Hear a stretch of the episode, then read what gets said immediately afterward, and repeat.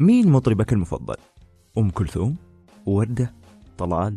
محمد عبده طب شاعرك المفضل؟ نزار؟ شوقي؟ السياب؟ بدر بن عبد المحسن طب تتبنى فكر مين من الأدباء؟ القصيبي؟ الرافعي؟ طه حسين؟ الوردي؟ ما أقدر أجاوب عنك لكن اللي أقدر أقوله إن نتاجهم الأدبي والفني ما جاء من فراغ ولا ضربة واحدة ورا كل عمل لهم في حكاية.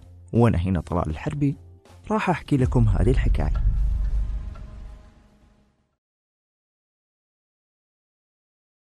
تسيد عالم كتابة الأغنية من الأربعينات حتى الثمانينات. أربع عقود متواصلة من النجاح والتعامل مع أكبر أساطين الفن العربي. كان رائدا لأغاني الأطفال مثل ذهب الليل وماما زمنها جية وحبيبة أمها. كما كان رائدا لأغاني الأسرة مثل ست الحبايب والأخ وفي مجال الأغنية الدينية أيضا كإله الكون للسنباطي بالإضافة لمزجها الديني بالوطني كما في الصبر والإيمان لعبد الوهاب. هو من كتب أوبريت مصر بلدنا لفايزة أحمد وتوبة وشغلوني وجبار وأهواك لعبد الحليم. يا أبو ضحكة جنان وارحمني وطمني ويا ويلي من حب الفريد الأطرش. القريب منك بعيد وعليادي اليادي لنجاة الصغيرة. هو من كتب لوديع الصافي على رمش عيونها ودار يا دار وغيرها الكثير من القصائد والفيلموغرافيا. شهرة واسعة حققها على مدار مشواره الفني اللي استمر ما يزيد عن أربعين عام. وصف محمد عبد الوهاب بأن له أذن تغني وهو يكتب. تخيلوا طيب مع كل هذه المسيرة والنجاح وهذا الوصف البديع لم تجمع يوما أغنية واحدة بأم كلثوم. وهذا ما كان صدفة بل من محض إرادته. هو يعتز بكلماته ولا يقبل التعديل أو التبديل فيها. في المقابل أم كلثوم تميل دائما إلى تغيير كلمات كثير من الأغنيات التي تعرض عليها. ولعل ما زادوا قناعة واعتزاز هو تحذير عبد الوهاب له دائما من أم كلثوم لذات السبب. اللي يثبت ذلك هو أنه لما جات فرصة التعاون الحقيقية مع الست عشان تغني أغنية من كلماته حدث بالفعل ما كان يسمع عنه وطلبت الست تغيير بعض الكلمات فرفض بشدة لاعتزازه بكلماته اللي ما تقبل التغيير من أي شخص حتى لو كانت كوكب الشرق. وذهبت الأغنية للفنانة وردة الجزائرية بدون أي تغيير أو تعديل.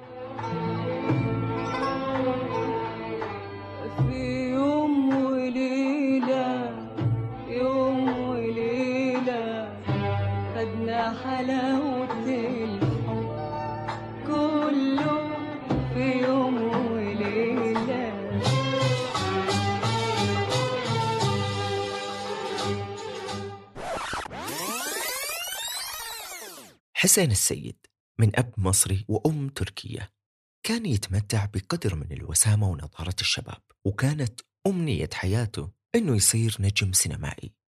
وفي يوم من الأيام قرأ أن محمد عبد الوهاب في حاجة لوجوه جديدة للظهور في فيلمه يوم سعيد.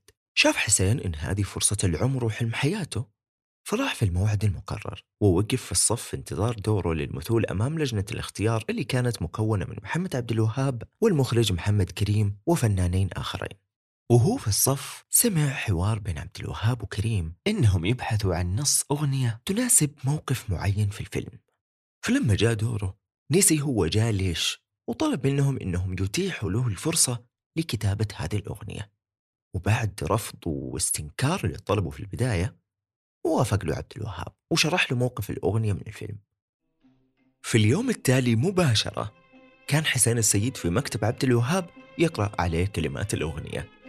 انبهر عبد الوهاب وسمعها مرارا واعجب بها لأنها كانت تعبر بصدق عن الموقف والمشهد المطلوب. حياه عبد الوهاب وطلب منه أنه يصرف النظر عن التمثيل ويركز على تأليف القصائد الغنائية. ويقال أن السيد رفض وقتها أنه يتقاضى أجر على هذه الأغنية مكتفيا أنه يقترن اسمه باسم عبد الوهاب. إجري إجري إجري وديني يا وصلني وصلني يا وصلني ده حبيبي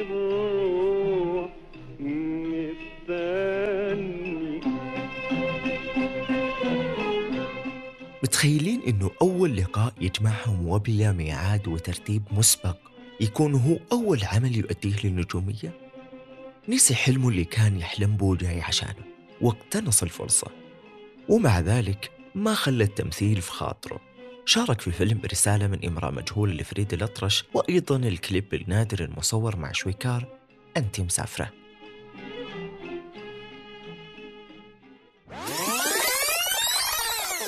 تذكرون كلام مصطفى محمود مع عبد الوهاب في الحلقة السابقة؟ قلت لعبد الوهاب وكان صديق دايما نتقابل من وقت للتاني. قلت له اسمع بقى ده كلام فاضي. مش معقول أقدر اقابل ربنا بشوية كلام. قال لي طب وإيه فيها إيه؟ ده اسمه فن. طب ما أنا اقابل ربنا بشوية غنى.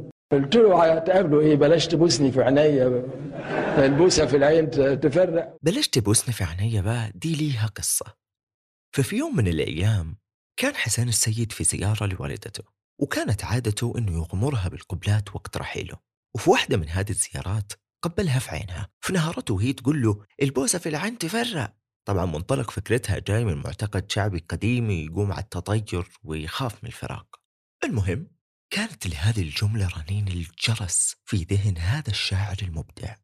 يقول حسين عنها كنت على موعد مع عبد الوهاب وتوقفت على سلم بيته أكتب كلمات أغنية مناسبة للجملة اللي قالتها أمي عشان لا أنسى.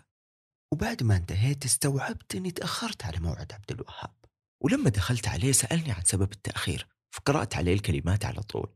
فأعجبته بشدة وأصر على تلحينها وغنائها. وبالفعل ظهرت في فيلم ممنوع الحب اللي كان الفيلم السينمائي الخامس لعبد الوهاب. الجدير بالذكر إن جميع أغاني هذا الفيلم كانت من كلمات حسين السيد عدا واحدة. أشهرهم بلاش تبوسني في عينيا ويا مسافر وحدك. بلاش تبوسني في عينيا دي البوسة في العيد تفرق. يمكن في يوم ترجع ليا والقلب حلمه يتحقق.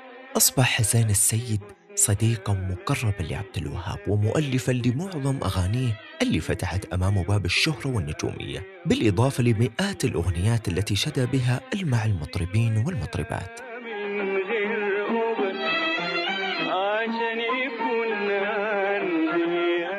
حصل على وسام العلوم والفنون في عهد جمال عبد الناصر وكرم أنور السادات اللي كان مقربا منه في عيد الفن.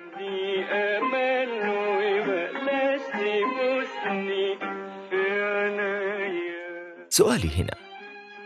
هل تختار الفرصة ولا تمشي ورا حلمك؟ في رأيي امشي ورا حلمك لكن لو جاتك الفرصة في مكان آخر وأنت قادر عليها فلا تضيعها. ربما إن حلمك لم يكتب لك وهذه الفرصة بداية لطريق آخر مليان نجاح. وأنت إيش رأيك؟ شاركوني إجاباتكم. والتقيكم في الحكاية القادمة. دمتم في رعاية الله.